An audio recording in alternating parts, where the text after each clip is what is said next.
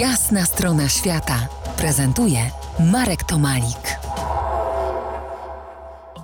Rozmawiamy o ikonach, o pisaniu współczesnych ikon. Powiedzcie mi, czy toczy się dyskusja, co można, a czego już nie można pisać we współczesnej ikonie? Współczesna ikona to temat e, niezwykle otwarty.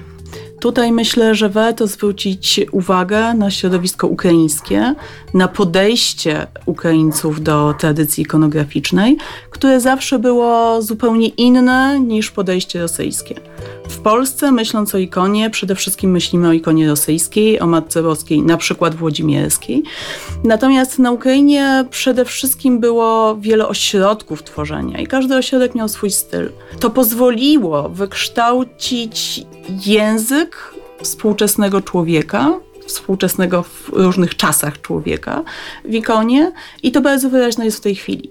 Ten język ikonograficzny nawet przez te ostatnie 15 lat się zmienia. On Moje- się również zmienia dzięki naszym spotkaniom. Tutaj Katarzyna mówiła o tym, że powstało środowisko, które się ze sobą komunikuje. Myślę, że też zostały przełamane obawy przed mówieniem współczesnym językiem o doświadczeniu religijnym. Intuicja podpowiada mi, że wśród współczesnych poszukiwań ikonograficznych niezwykle ciekawa jest grupa twórców, którzy odwołują się do sztuki naiwnej, ludowej.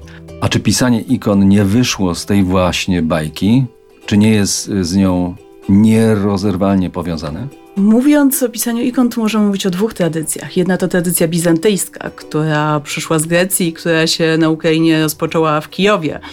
Druga to tradycja ludowa, która była odpowiedzią na chęć ludzi do posiadania ikon, ikon w chatach oraz y, określone możliwości. Ikony ludowe były tańsze, we wsiach mieszkali twórcy, którzy uczyli się malować, malowali. Bardzo często to były od XIX wieku ikony na szkle, bo ich wykonanie było łatwiejsze. Jednocześnie te ikony przedstawiały świętych, e, szczególnie bliskich w danym rejonie i kolorystyce też, która w danym rejonie się podobała. No tutaj przy tej rozmowie jestem i moi rozmówcy otoczeni tymi, tymi ikonami.